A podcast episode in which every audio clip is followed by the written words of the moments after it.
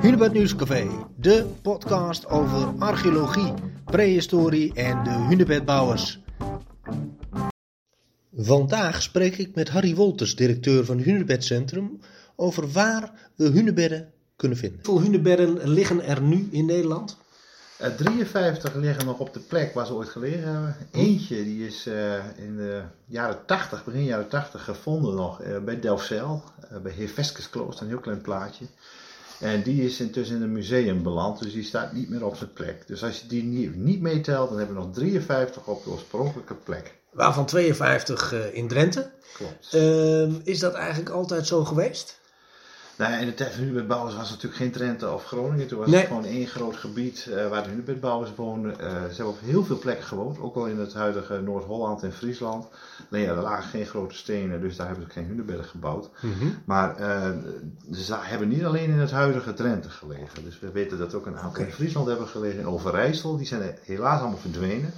Die, die hebben nog wel allemaal een nummer. In Drenthe hebben de hunebedden allemaal een nummer. D1, D2, D3 enzovoort. Die En D staat voor D27, Drenthe. ja. ja. D27 Ja. is natuurlijk de grootste bij eh, in Borger. Mhm. Eh, die in Groningen die heette dus ook G1 en vroeger dan ook nog G2, G3, G4. Alleen ja, die zijn er dus helaas eh, niet meer. Maar zo had je ook nog O1 en je had eh, F1 en die stonden dus voor Ja. Friesland. Die zijn er allemaal niet meer. We weten wel dat naast de 53 hunebedden die we nu nog hebben, dat er minimaal nog 30 meer zijn geweest, want daar hebben we de restanten van gevonden. Dus de keldervloeren, zeg maar. Hè. Dus dat, dat is dan nog een vloertje met keitjes en vaak nog een klein heuveltje in het landschap eh, waar het restant eh, van het hunebed heeft gestaan.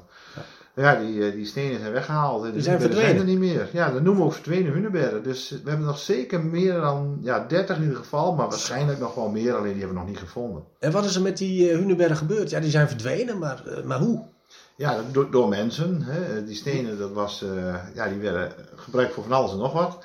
En we weten in ieder geval dat er heel veel zijn verdwenen in de dijken van Noord-Holland. En- Enkhuizen, Volendam, daar heb je nu nog steeds de dijken van grote keien.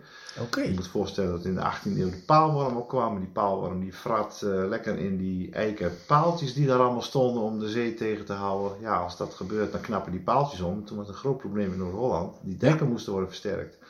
Ja, wat ga je dan doen? Eh, heel veel zand tegenaan gooien. Ja, het werkte ook niet allemaal behalve ja, grote keien die lagen in Drenthe.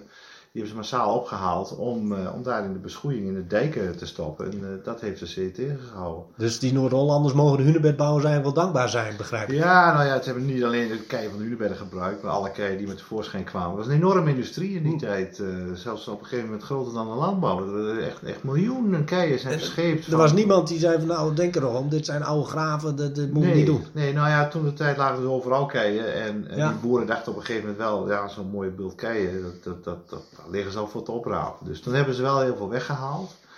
Eh, ook, ook uit Duitsland nog. Daar zijn ook heel veel verdwenen hunebedden door Nederlanders. Want ja, die hebben het ook daar weggehaald.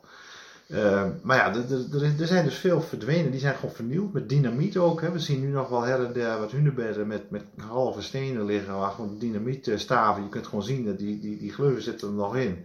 Maar op een gegeven moment is het gelukkig wel gestopt. Toen is de wetgeving gekomen. Toen mocht het niet meer. Dus ja, door die wetgeving zijn er toch nog heel veel eh, bewaard gelukkig. Gelukkig. Maar dus, dus, dus bijna de helft, hoe een beetje, misschien overdrijf wat, maar dus 30 van de, van de zeg maar zo'n 85, die zijn dus gewoon verdwenen omdat we ze nodig hadden voor de dijken, eh, onder andere. Onder andere, maar eh, ze zijn ook wel in kerken gebruikt. Er wordt altijd gezegd Mhm. dat de kerken van Oordoorn en Emmen, dat daar hunebedkeien in zijn verwerkt. Hè. Oh. Die zijn ook gebouwd voor, deels voor, met grote zwerfkeien. Mhm. Ze zijn ook, ook tot kleine stukjes eh, vermalen, gewoon met, met, met, met hamers eh, kapot geslagen, omdat daar wegen van moesten worden gemaakt. Hele eh, en- enorme wegen van tientallen kilometers, dat ligt in de bodem, liggen allemaal kapot keitjes. Om, ja, er was toen de tijd niks anders. Er asfalt. Macadamwegen zijn dat. Ja, die noemen ze dan macadamwegen, de ondervloer van keitjes. Er was toen Ja. geen asfalt, er was niks. Nee. Dus ja, je moest in dat zand, wat een modderprut was, daar moest je toch eh, verstevigingen aanbrengen. Dus dat deden ze dan met kapotgeslagen keien. Het was gewoon een industrie. Allemaal eh, mensen die, die die grote stenen kapot zaten te slaan. Ongelooflijk. Ja. Ja. dus de hunebedden werden gewoon vernield om de, de, de wegen ook mee te verharden. Het waren een soort Ja. groeven, ze werden opnieuw Ja. gebruikt. Dus eh, als je in die tijd kwam, zeg 100 jaar geleden, dan lag er net de bezaaid met keien. Nu niet meer. We vinden nog wel ook schepen en eh droog eh, leggen van de, van de polders. En gewoon oude schepen teruggevonden die helemaal vol zaten met grote keien. Die lagen ook echt bij de drooglegger. Er kwamen gewoon honderden keien in een oude scheepswrak kwamen tevoorschijn. Dat had allemaal nog te maken met die handel in die keien. Tjee, ja. En je zei, ehm, nou, de, de, de, het laatst opgegraven hunebed, of gevonden hunebed eigenlijk, eh, moet ik zeggen, eh, is in Delfzijl gevonden in, de, in begin jaren 80. Ja, dat was Eh, een ongelooflijk iets. Niemand had verwacht dat daar nog een hunebed zou kunnen liggen. En niet alleen een hunebed, eh er was een industrieterrein werd er aangelegd. En bij het aanleggen van het industrieterrein kwam meters onder de klei kwam dus een hunebed eh, tevoorschijn. Maar niet alleen een hunebed, ook een steenkist. Oké. En een steenkist is een variant op een hunebed. Hè? Dus het is wel een kist van steen, voor het zegt het al, maar niet met de rode dekstenen erop. En eh, die is toen verplaatst naar het hunebedcentrum. Dus die ligt nog altijd in het hunebedcentrum. Dat is een originele. En het hunebed eh, dat daar gevonden is, is naar het eh, museum in Delfzijl gegaan. En die kun je daar ook altijd nog zien. Een heel ander type ook. Dat noemen we het dolmen type. Dus het is niet vergelijkbaar met wat we Nee, elders in Drenthe vinden. Ja. Ja, dat is natuurlijk wel frappant, want je verwacht helemaal niet dat meters onder de klei eh, daar nog een hunebed liggen. Nee. Dat betekent ook in de tijd van de hunebedbouwers dat het daar dus droog was. Waarschijnlijk was het eh, hele oppervlak nog wat meer, eh, was hoger.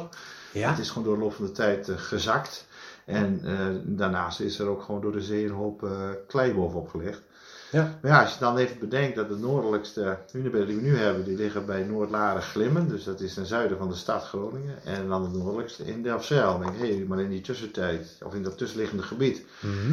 ligt Ja. daar ook niet nog wat. Nou, dat zou heel goed kunnen. En er wordt ook vermoed dat daar nog wel hunebedden liggen tussen Groningen en Delfzijl. Meters onder de grond, onder de klei. Klopt. Dus ja, die vind je eigenlijk alleen bij, bij toeval.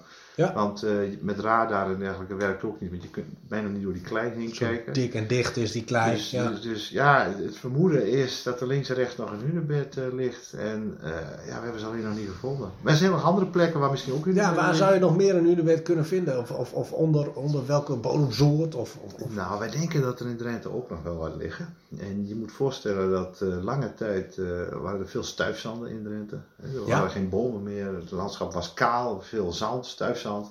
Ja, en die wind die, die blies dat zand maar, maar voort.